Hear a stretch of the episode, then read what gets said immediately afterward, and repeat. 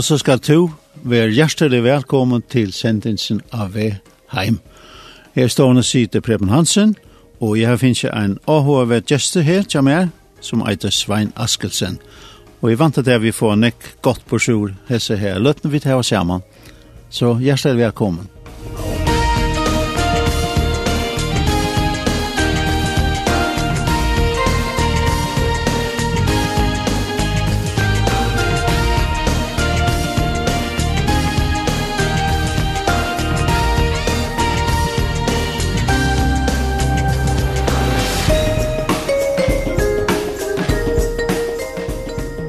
så halte vi skulle begynne med en gång leie, og det skal være Fernando og Teka som uh, synker for åkken Give me Jesus.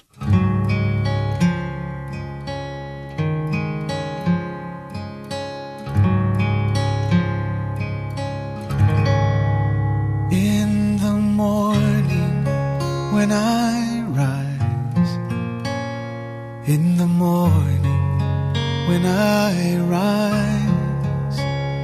in the morning when I rise give me Jesus.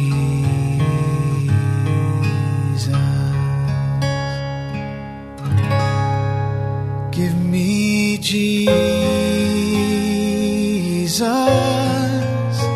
Give me Jesus.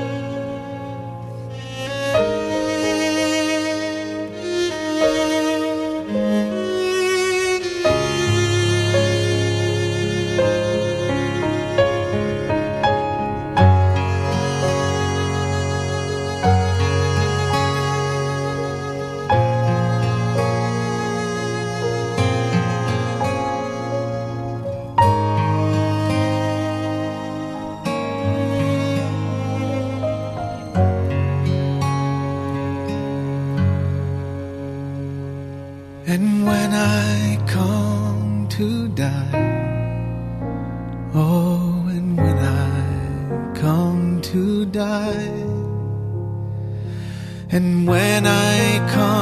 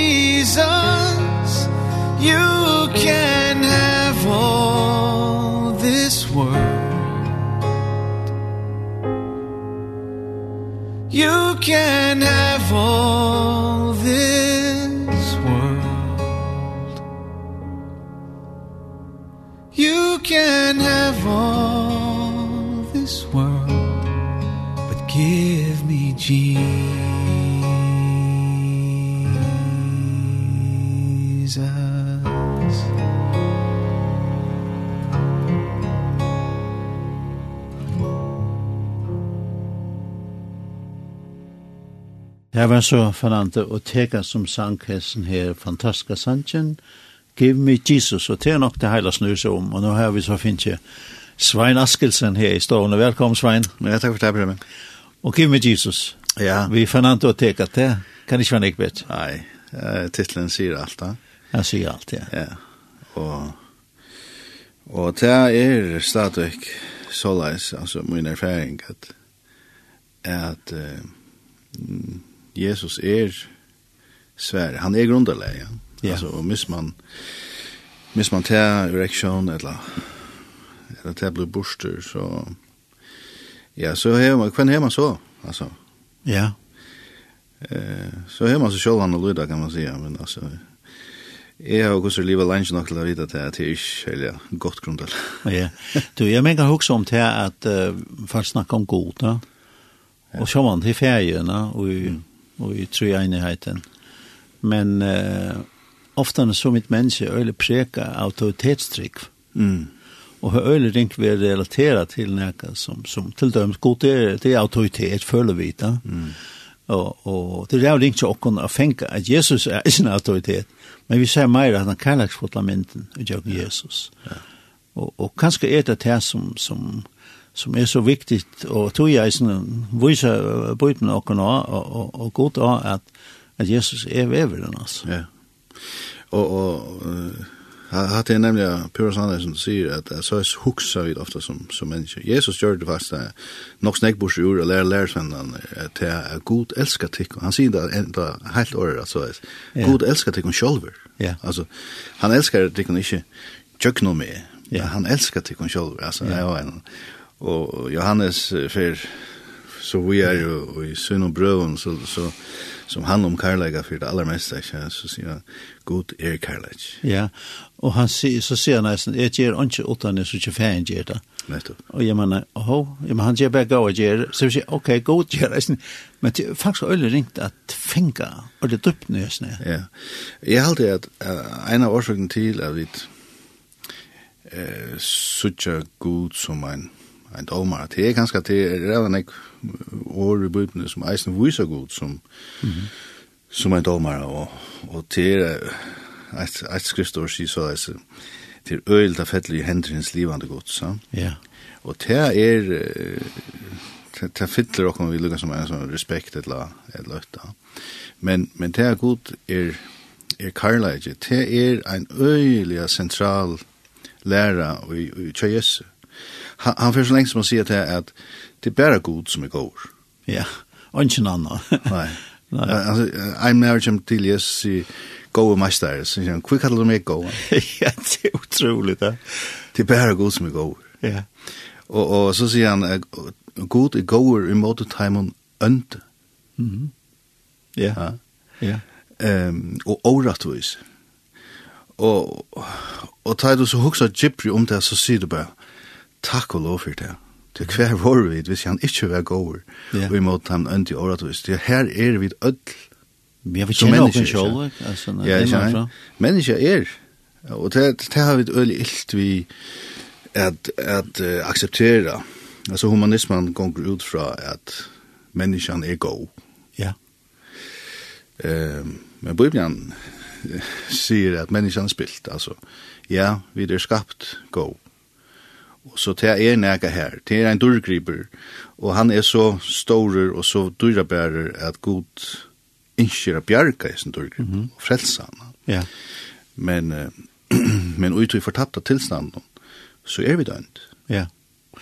Paulus han uh, som öll, uh, kan man säga, som här skriver, som står parst av Lutstestamentet, mm. han, han sier faktiskt som en själv, ungen värre än er är synd av rødlån, altså. Ja. Ja. Och, han han lever liksom hästen här alla tiden bevisst om det. Ja. Det bor han inte gott med alltså det det Nej. det. Vi det här är inte så eh Och det kanske en skriva uppfärdande av vad är det här en syndare och vad är det här heilar alltså du hör ofta folk säga kanske att han så frälst eller så. Mm. Så är det då att han så går eller heilar. Ja. Simon om det tryggvande kanske. Men eh, Eh och så är det vi som tryckande vi vi vi kallar oss kanske ofta syndare, ja, frälste syndare och såna. Ja. Så vi vi det lukar som men sen är det inte andra vi det är bara alltså det är bara en en syndare är bara att vara ett människa. Mm. Alltså är du är det människa så är det sannolikt en syndare. Ja, ja, det er bare en beskrivelse av mennesker faktisk. Så Nei, det, ja. Eh, og en synder er bara en menneske som er av skriverlei. Ja. Og av og til er vi dødt til. Ja. Kan man si. Sjølt om vi til var sagt ja til Jesus ja, absolut. og ser han som veveren absolut. Absolutt. alt det her som bøypen. Ja. Så må vi være sann sanna vi kvørst, da vi hikker inn okken sjolven, ja. at vi kan bygge her, ja. Ja. Vi er ikke hikker et nek annet. Så så legger mest til at Paul, da Paul skriver sin brød, så skriver han alltid ikke til sinderne i Korint, men han skriver til til heiløve. Ja. Men så skjelder han det ut, og du sørst at det er av største sinderne og og det var ikke i men, men han titulerer det som heile, og kvitt gjerne til jo tog at tog at de heva vent sin eier Jesus. Ja. De heva finnes jeg et annet stavnhall løyvn. Mm De kan ikke fyrir av vind og leita etter sværen. De heva funnet svær, de er færen fra vera syndare som en kategori til å være heiløv som en kategori. Men de gjeva seg ikke å være mennesker. Feilbærlig mennesker. Nei. Det er kanskje akkurat det som, som jeg minst... Eh, Eh, Versfæren til meg, Peter Hopbeck, han fortalte meg en affær at han har haft en gåa samrøv ved en. Eh, og han sier at, han spurte han så, hva, hva er du, hva er du en lei ved Kristus? Eh, nei, nei, jeg ikke kom her til enn, altså, til, til, jeg får nek shit i meg, jeg kan ikke, jeg kan ikke komme her til at jeg, jeg kan lukke som sier, kanst du, kan kan kan det förnöja kan kan det komma in och i en flock eller kan man hur som formulera att det var ett short där. Men har vi inte kommit till än. Och så och så säger Peter sagt vi igen, ja men här kommer du unga du. Du måste bara säga nu, du måste säga, jag är här, kom och axla mig. Du kommer unga du här till att du kan vara klar till det. Nej, nu är nog regnet till att kunna det. Ja, det er sannleik, ja. Sannleik er tann at det er ikke fyrr enn vi har erkjennelse av at vi er måttlis. Ja. Og at vi ikke klarer sjolv.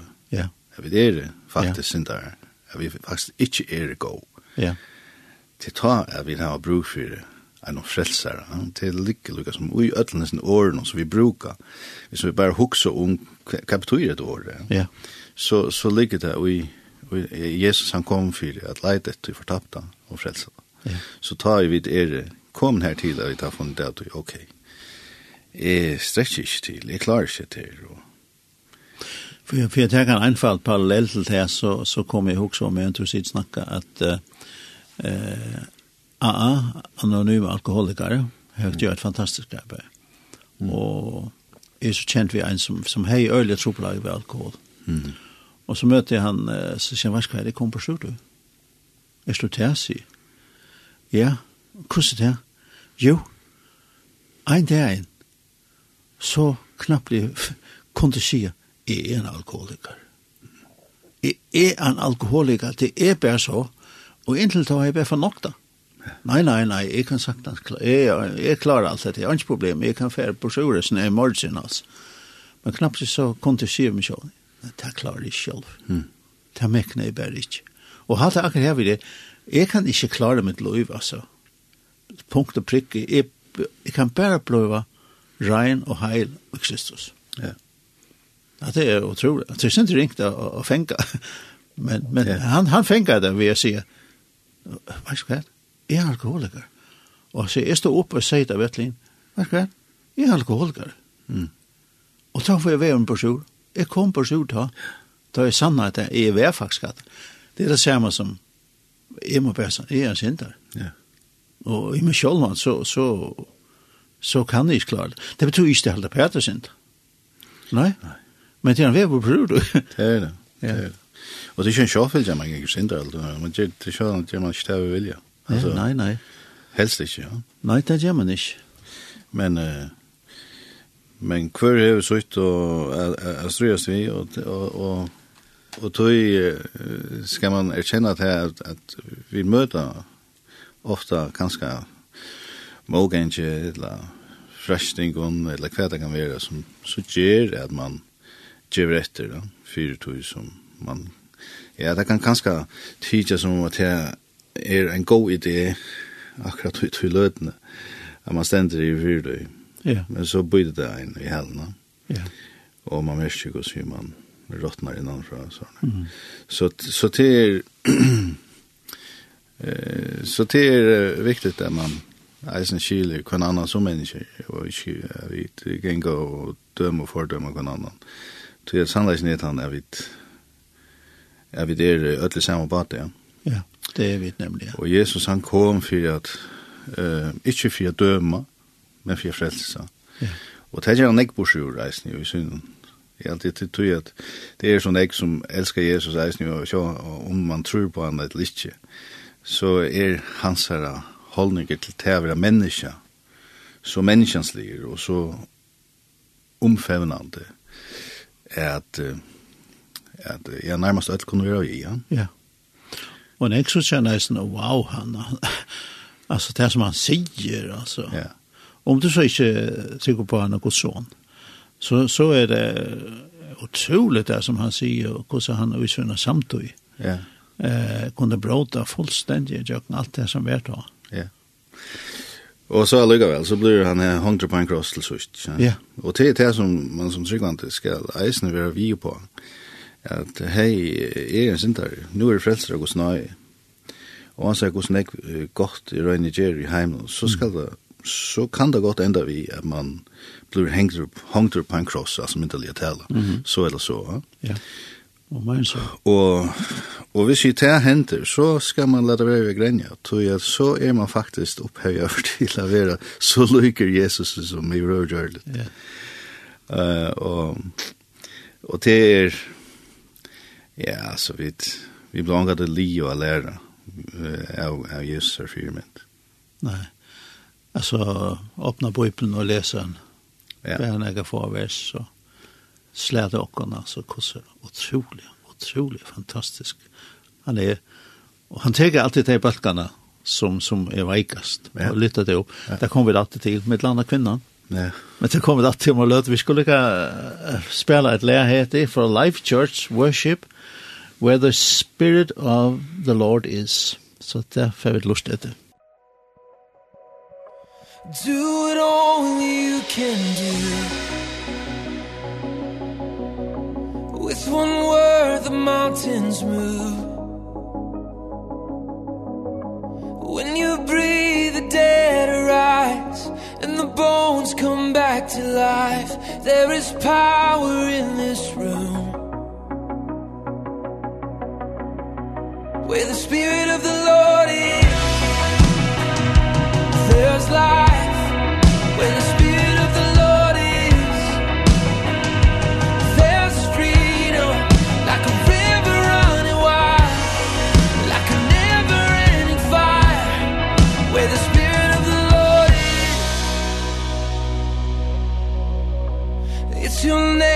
tear down walls.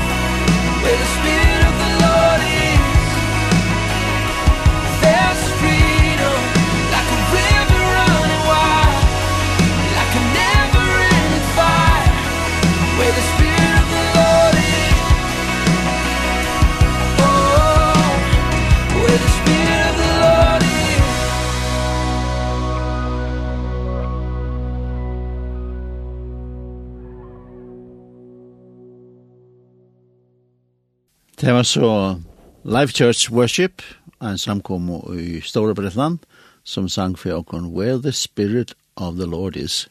Så kan man halda av fram, There's Freedom. Yes. Ja. Og her har vi et Svein Askelsen i Storebretland til og vi har hita sin opp. Ja. og tog som den mest otroliga person som nægget over vere, ja. og som var Kristus, ble Jesus, og alt Kristus. Ja. ja. Han er vær fra opprunnerne og fer vær i atle av. Det løser å investere lov i honom. Men eh, Svein, et som alltid har eh, vært min store AHO, eller min spurning, min spurning, stor spurning. Eh, bøtten kommer i samkomme, du kommer i samkomme som baden, foreldre våre, parste samkommer. Og du, du tjafs her beina veien, og så videre, så videre. Du har en kamerater her som du delte alt mulig sammen vi. Og knappt enn det, du var her verand her, men knappt det så var noe vekk. Mm.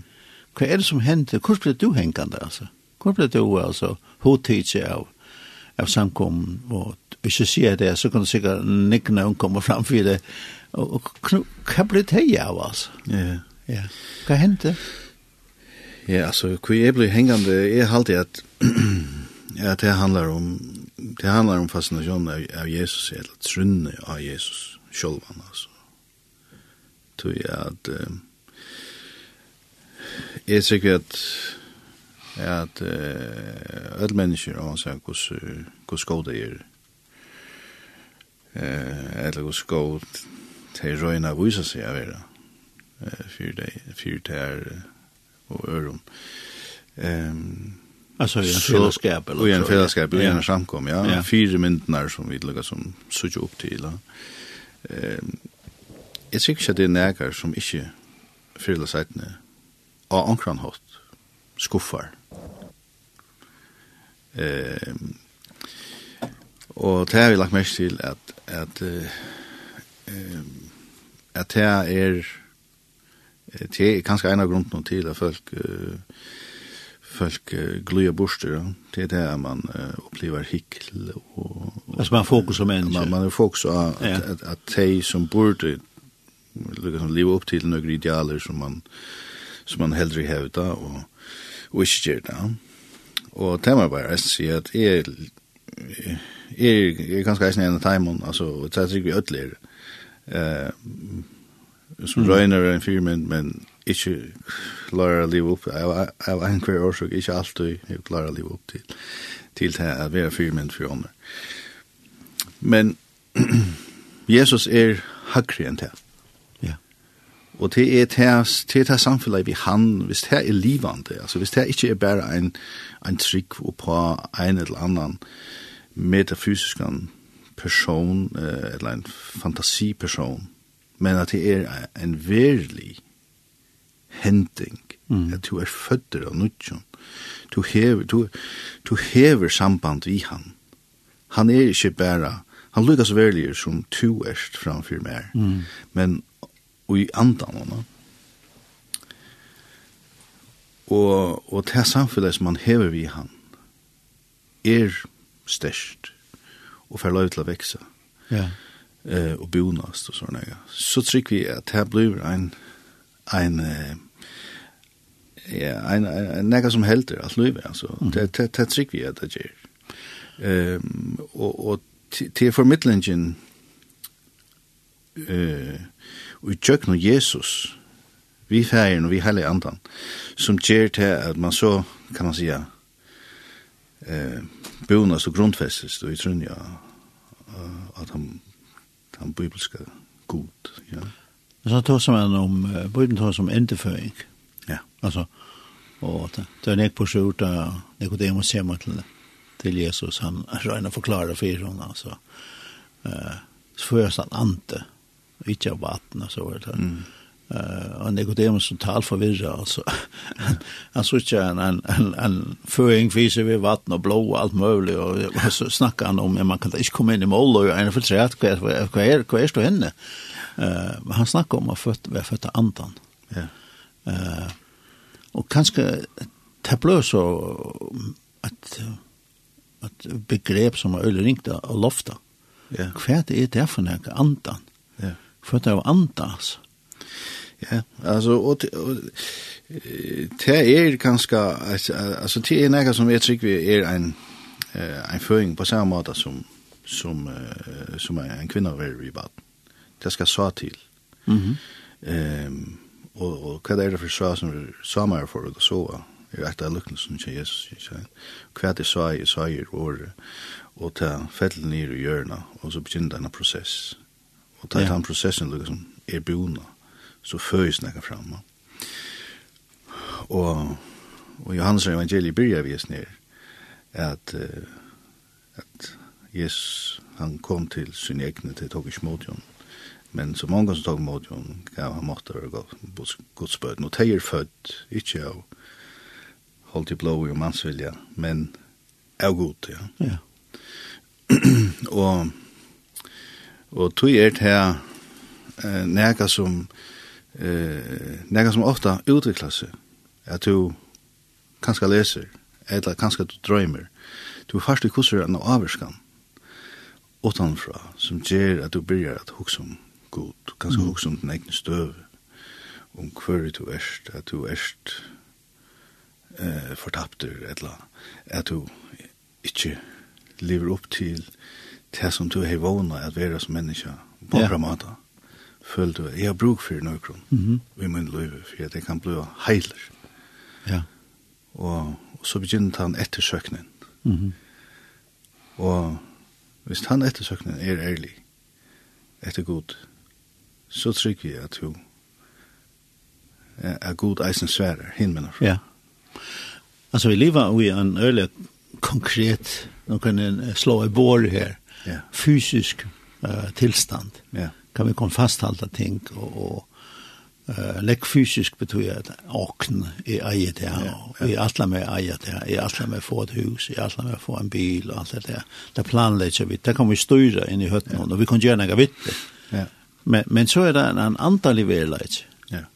som, som faktisk uh, er rævlig ringt uh, at gjøre noe vi åtterne av jotta at jeg stress ikke til er faktisk at den er parst av Da, da det blir en vedleis at det er eisen av metafysisk ja. tilstand hver Jesus er herre. Ja. I Guds rydse. At anna rydse hver det helt er regler ja. galtande. Hvis man ikke kan fenga den, den, den, den uh, hookshowen, ja. at det er faktisk hetta her, men det er også anna eisen. Ja. Og at man sier, wow, ja, men det som jeg har her, det var faktisk helt så stor tutning. Hitt er nek mer tutning. Mm hvordan kan jeg få fært i hatt? Ja. Han Hatt prosessen her. Ja, han må så hente. Ja, jeg tykker, jeg synes ikke hvordan man kan bli endefødder utan. Nei. Uh, at man kommer til til hatt erkjennelse, ja. Men jeg tykker, altså, jeg tykker god til interesse i alle mennesker. Og jeg tykker eisen i her som bådskapen ikke vil bo over, er jo god eisen interesse i ja. de menneskene. Det er ofte så også vidt det at, jamen, plutselig gjør man så her som, her som ungen bibel er. Ja. Um, uh, i, I muslimske heimene her som her som man blir forfylt hvis man uh, konverterer til æretrykk enn det som man er voksen opp i. Eh, så, så er det nekk vittner som i det står fram og sier at Jesus kom til min i en dreim.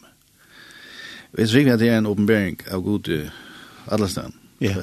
Det er god åpenbæra seg for Abraham. Ta vær heller ikke bibel. Nei. Og hvis det skal halta, så kan det ikke være øtta som kan leie det til god.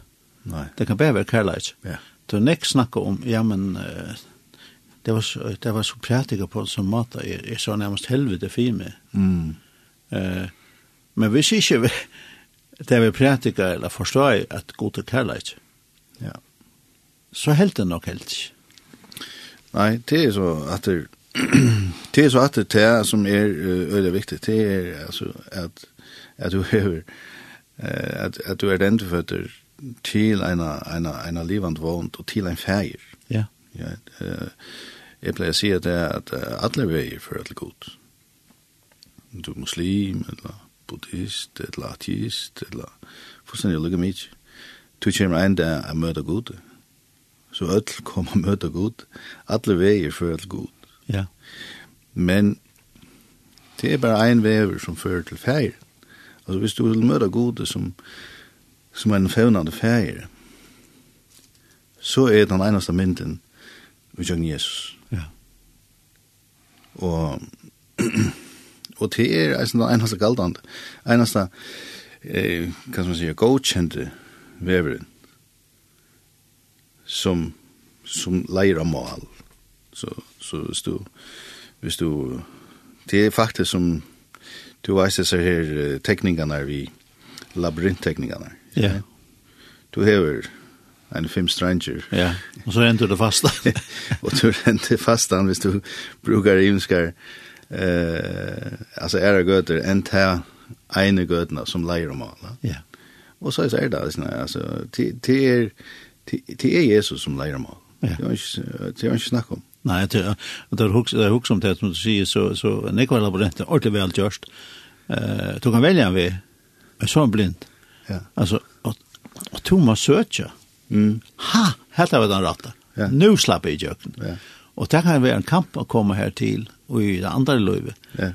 uh, finne den ratta gøtten. Ja, og du, altså, og du er selv sju, ta i dørsk kom jøkken, no? Ja. Nå er det mal. Ja. Og så kan så eisne komme, altså, komme og gjennom blindgøyte. Og du sier, ja, men det er han ikke. Nei. Og så kan det være at hun passer andre resten av livet. Nei, her er han ikke. Ja. Ja, bra. Ja, ja. Gå med ja. Ja. ja. Men da du funnet Jesus, da du er kommet her, av Mali her på, sammen med henne, ja, men så er det ikke Iva, altså. Ja. Men her tar den sånn opplevelsen du har hatt på et tidspunkt, at du virkelig ser Jesus for det. Uh, han er, altså, han er sanner, han er godsåne, han er kærleitje. Så leier det eisen til at du har alle ho å lese året, bøybelen, godsår. Ja. At, at du, du må, må bare ete etter året, tror jeg. Da du begynner begynner å lese det, da du har finnet sånn åpenberingen og andans fytling, så knappt du kan lese året og forstande det. Mm. Ja. Yeah. Og det er en stor prosess til at det er eisen råkne vi. Absolutt, og det er, det er, det er, det er, det er størst valgsiktelse jeg vil ha på Bibelen. Det er Guds kærleksbrev til mannattene, pleier jeg kallet det. Og det er nekvåner som har kallet det, det er eisen. Ja. Og vi har hesa Bibelen av førsk og male til helt, altså vi skulle være så takknemlige, ja. Vi har ikke bare en versjon, vi har tver og ganske trutjer, ja. Ja. Um, Eh och det är Jesus säger det här till vittlast, till de känner inte skriftene. Det säger han så, altså, mitt landa till vi, vi folk som, vi män som, høyde det som sitt arbete. Alltså det var, tar, ta till er lärt det, ja, mm -hmm. som ikke gjør det annet enn. Men han säger till vittlast, till det känner inte skrifterna Så det var en öde passande, jag kommer vi. Og så legger han seg at, jeg heldig måttgods. Og det er det vi at heva bæg bøybla og andan. Ja. Ja, det er en rithøvunder til hese bok. Det er hele andans inspiration som har gjørst at henda bøygen blir til. Og eh, henda bøygen er, er ikke såleis til å skilja som menneske, hvis du bare først til bøygen som, mm. som er menneska. Hon han til på nekva matar eisne om du leser henne bare som en vanlig bok. Men hugsa der til at kunna lesa hesa bøkina. Og samstundes kunna spyrja skaparen. Rithøvende til disse bøkina. Mm -hmm. Hva mener du vidt hva du sier det? Ja. Hette er torskilt. Ja. Hette her er Jim Arsene en særlig mening. Nei. Og, og så kan man så kan man lykke som parkera det her og, og, og kanskje bia og spyrja. Mm Men hvis du ikke tror på at det er nægare å spyrja, så trykker vi at... så det er ekle torst. ja, så kan det bli nok torst, nok som motsigende som var stedende, og, ja. og så framvegis, ja. ja. Så er det kjøtt du slår på uten semmer, litt sånn ondt ångstene. Ja. Ikke støy med lesa. Ja. ja. Uh, vi får spille lære uh, og uh, ta... Uh, vi skulle lære Michael Carr, kjente du han? Ja. Ja at det var en sånn, en som med damene så øyne var en, en, en tog, og vi fikk at uh, Sleep Sound in Jesus.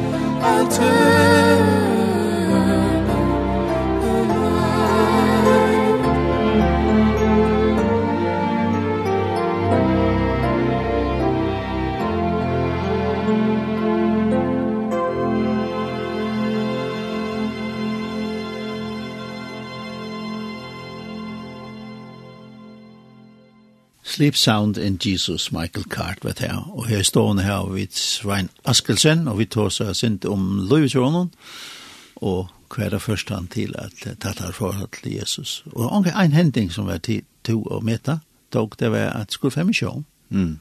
Og til valgte det som heter Youth Mission. Ja. Eh, til forhold til, uh, jeg har fått Skottland, så? Eller, ja. sånne, eh, hva er det Skottland? Det er Skottland, ja. Det er Skottland. Ja. Eh, et praktfullt sted. Ja, det var det. Uh, Naturverk. Naturverk. Ja. Ja. Bunch i gränserna till England. Ja. Ja. Att det är sövligt där kan man säga. Ja. Eh spelar till att det här så man kan vara ungdom, man kan vara spänt på förskället, men det är är det avgör som ger man då för i mission. Ja. Eh jag håller det här är något som som kom också tullja i munnen. Eh barndom Jeg har en skillmann som tune som kjenter tro på Venezuela i nek nek år. Han er heimann jo. Um, men uh, men jeg minnes alltid at vi vokser opp vi, vi at uh, høyre om han og bo for honom og sånne og, og han kom eisen jo til ja, Sarepta Levner og fortalte fra og sånne og det gjør det flere Ehm og jeg var øyla bergtidsen jeg og nekna oss nere trubarn og tarra. Så så og eisen tarra tarra hjärsta fyrir time hon fortapte og fyrir time som ikke til hårst og sånne og ja så vaks man til eh, George Ongar sånne tog Ongar sånne eh, avgjør om affæra men eh, så ble man ble man forlover og, og, og, og gifter, og glad for det, og alt uh, vi fikk eisen i bad, og Eva kom i, i Kjevifors, men ta et vidt eisen i Øregån hod til at uh, at uh, færre ut. Og akkurat gode vinner Jørg Steina Petersen som nå er leier City Church, uh, eller Brunne, eller hva er det? Eh, tei var høyde veri i Judsendomkjen og et år og alt. Og vi da sjående skriva samma timon, det var inte sms og messenger. det var vel penna på papper. Det var penn på papper. Ja. Ehm och vi skriva samman och och det var eisen i øyla hotagant. hva det var opptidkene och vi och upplevde Og, og det var nå ikke så lengt vekk som eh, hin mina hjørna eller noe sort Og det er man så eisende funnet det av at man, man kunne godt være trobar, som man sier, vi har eisende trobar i okkar egna lande. Ja. Så, så det er at, liksom at, at, at, at jeg prøver det, eller opplever det, pjøs ikke være så omveltande som det jeg skulle fære til Afrika eller sånt. Og vi var altså færre av bibelskolen vi ut, det mye til, det var et, et, et, et skai som var bygd opp på at eh, trusje mann vending og en mann av ute i eh, praktikk ångstene. Eh, og vi får så til Skottlands, og en skole her, det var et, et sted som kalles Peniel Christian Center. Og Ehm det gjør det også øyla godt. Vi var uh, en liten familie, som sagt, og med og jeg høyde mølaga til at, at vi fylgja undervisningsne og sånne, at ja, jeg var vær bare, ja, nekker måneder, hun født i april, og vi får sted i september. Så, eh, det er bare reist til, det er bare sagt til. Så fikk jeg dere som en, uh, fundament og slære stand og ganske. Ja. ja, det er absolutt, og det var, det var mye undervisning kan man si, og jeg har alltid at det er et stortlager råkna ut, altså, det er vi er halka tog til, jeg sitter under kontoret, ja. Ja. Eh, her strutje mannen er sværa ganske til, jeg må tjekk til hvert eneste eit møte i Ebenezer, ja til dømes eh, som, som tar hei møter bei mannakvöld, mikkvöld, høstkvöld. Ja. Eh, og sån sånne morgen, sånne kvöld da. Ja. Eh, så det var et tog rockstikken når det råkna ut at man skulle være møte jo i i, vi tror ett halvt år. ja. Kvar er Ja. Og, hver er neste. Ja, for alle hodene läsa året ganska. Ja, absolut. Og i det er det kanskje så, så, så, så få eh, få møter man ikke eh, en gang har han møtleggen at eh, affære til eh, så nekva undervisning. Eh, her som måte så har man møtleggen fire affære nete og, og ja, høyre. Men det är nog inte samma. Eh, nei, det er ikke det samme. Nei. Men eh, det var ett fantastiskt fundament att få och Eisen är fantastiskt att eh, färra ut i praktik. Vi föreslog till Köpenhamn och upplevde Eisen och Gustav Vera färra ut i For meg var det her eisen i fremmede kulturer, med det jeg bor i København, og vi tror jo at jeg ikke. Eh, men jeg møter København, um, og Københavneren, eh, og en større by, kan man si, som jeg nekvar utfordringar det var eisen. Det var eisen spennende, jeg synes jo, å oppleve. Så du kan anbefala det til øtt til å gjøre det. Ja, jeg har gjort det, altså. Og eisen er hans alder. altså. Ja, ja. Og som en, en nøytgift per, kan man si, vi ja, ja. løy til badnet. Ja. Ja. Rikker i fint. Det kan man sagt, altså. Ja. Det kan man sagt, altså. Alt det her er vaks og ute, og, og, og nu boset i Danmark, i Randers. Ja. Uh, vid den smukke Gud nå. ja. ja. Ja, vi bygger vi. Ja. Vi Anders her som Gud nein kommer ut i, i, i munnen her i Randers ja. fjord. Det er flott. Ja, det er deilt. Det er det. Og så så pastor samkom her. Ja. Hva slags samkommet det?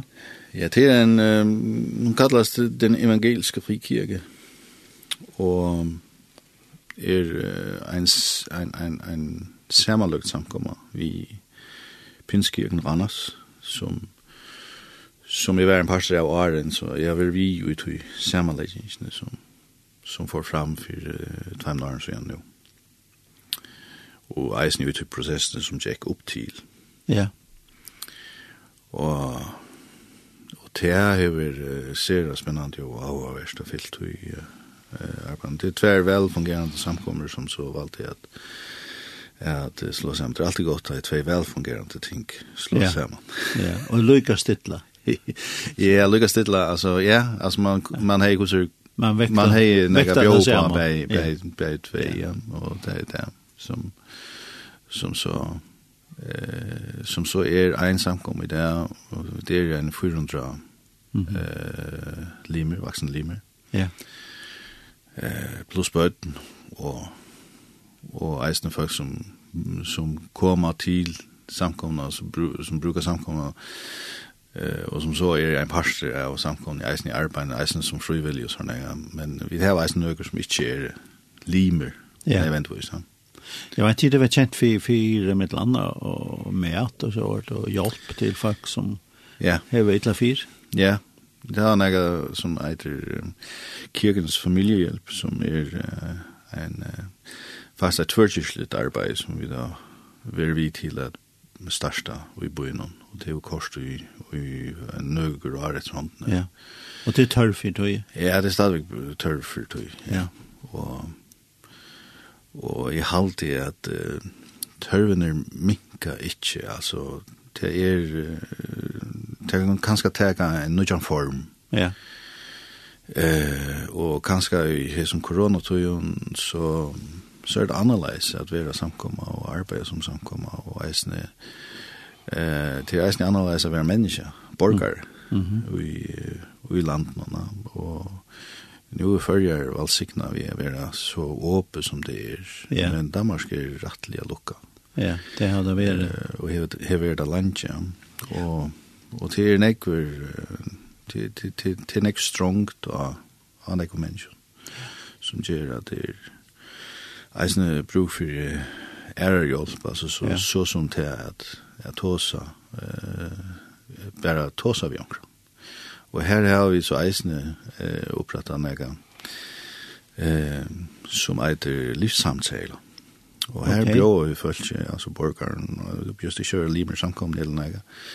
Her bjør vi så eh, et forløp på trutje samtaler som du kan få gratis vi omkran som er enten er professionell terapeut eller som er venner at hava samtaler vi folk eh, og i kyrkligen høpe men som eisen kan klara at ja. også sjant er det bruk for professionell er hjelp igjen så vil man vuster hvor gjør ja. Men, og til nek som brukar til en møllekant til er det flere ja Jeg har aldri vidt hava ganske en, altså mittelen, mittelen 20 og 15 folk som er tenkt at vi bare... Støv, støv og det, vet jeg, ja. Ja det er veldig godt. Men uh, Svein, he, Svein, du hever en særlig AHA.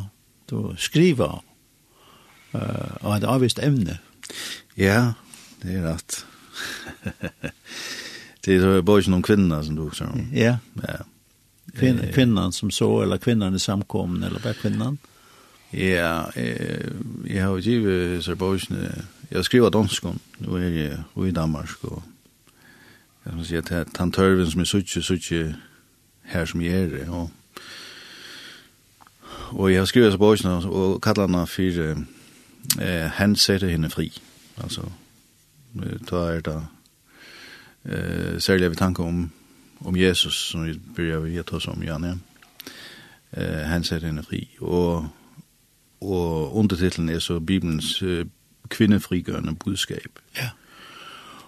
Och Her her vi at Bibelen hever en kvinnefrygjande bådskap er kanskje nega som man ikke hever tåsa så ørenig om. Nei, bare si at det er ut, kan man, kan man si, er en sikkert ansøkning, men ikke med til oppfattan og kyrkja. Ja, det er mulig uh, at det er til, ja. Er råkne vitt.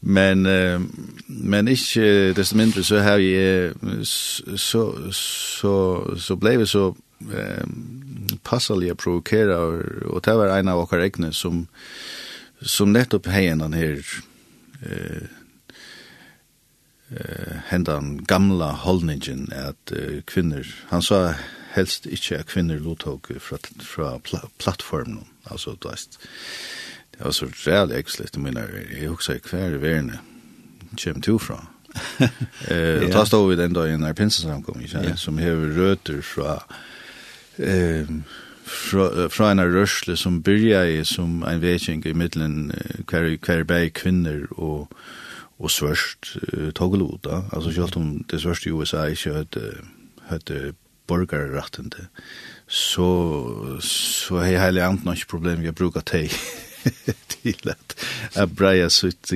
glebo inn i Los Angeles og Kansas og hver vei det er kom fra et eller annet. Ja og, og heller ikke kvinner.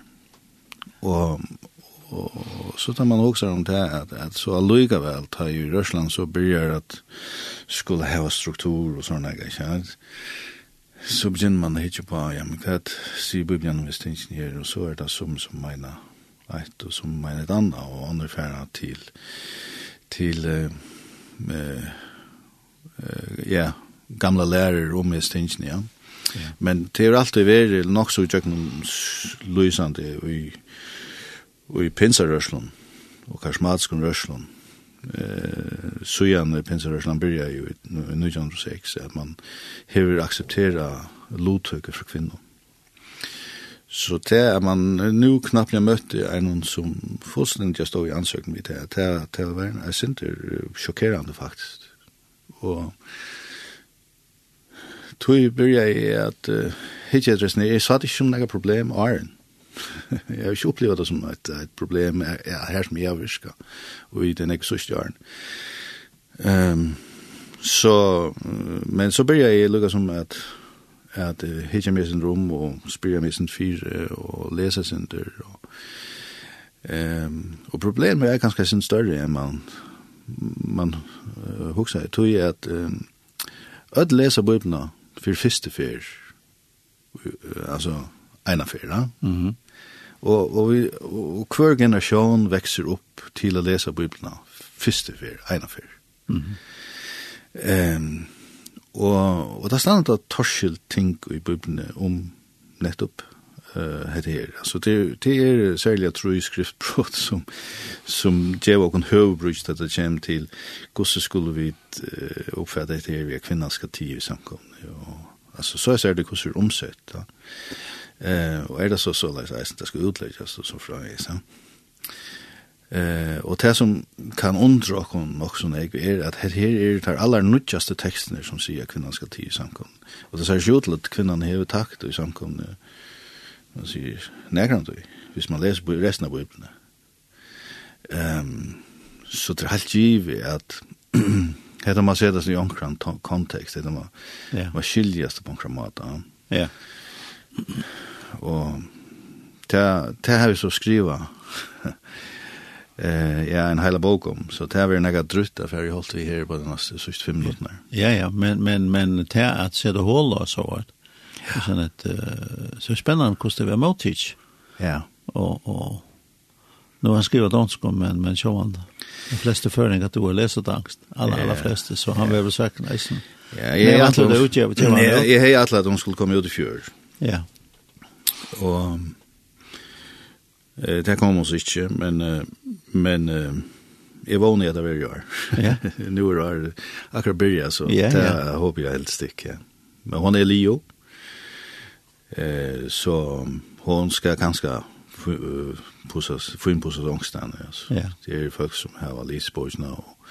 Här kommer vi eh synu vi mellan och ganska eisen och en uppskott om akkurst som de eh kunde huxa att det ja eh ganska Oh, tog vi eller yeah. ja. Och ja, och ja, säkert det är en, men så tjata är sen i det är en, en, det det bröt att det bröt vi först i nästan i bägge år alltså då det kvinnan är samkom det mest man gott då. Ja. Eh och det har varit gott att det, det kommer en debatt om det alltid. Ja. En öppen debatt om om hur kvästende väl här. Ja. Att tåra sätta hål då. Ja, då sätta åra heter kväd det väl ständ då. Ja. Eh då man ser man kan onka att häng häfta sig och inga forskrifter det er helt av mynden man skal leie. Ja, ja, absolutt. Ja. Og, og kanskje eisen, hva, hva vi har sagt aller først, det første ja. som er, ja. vi har sagt, ikke sant? Og da skulle vi ikke så lengt, så, så vi kunne Nei. bare slå opp i første mål på kapittel 1. Så vi faktisk lever i debatten. Ja. Så, så, så skulle vi faktisk ikke komme langt, så er det faktisk slått. som? Det viser seg jo hvordan man kommer etter her til. Ja det er interessant at det er som menneske og så stendt som en kvinne, med ja. kvinne. Ja. Ok, det er så det er fullkomna menneske. Ja. Ja, det er veldig interessant. Ja. Så Svein, takk for at du kom her i dag. Jo, og vi sitter fram til at uh, en dag så liker han å. Ja. så kommer vi läsa han och kanske ha en debatt att. Ja. Då då en av för Chemanor här ända enda Vi kollar någon. Och vi tja familjen chatta. Det vil jeg glede meg til, Prøv. Ja. Jeg kommer en tur og tredje. Det var deilig. Og du har en god hjemfer. Takk for det. Til koronaland Danmark. og vi enda her vi... Det kommer vi så bli samt om. Det er fantastisk. Står det til en trofest. Ja. Vi Bethesda kåre som synker for åkken. Ebenezer kåre og Sila kåre er som vi. Det skulle gå for vi. Takk for i Svein. Så takk.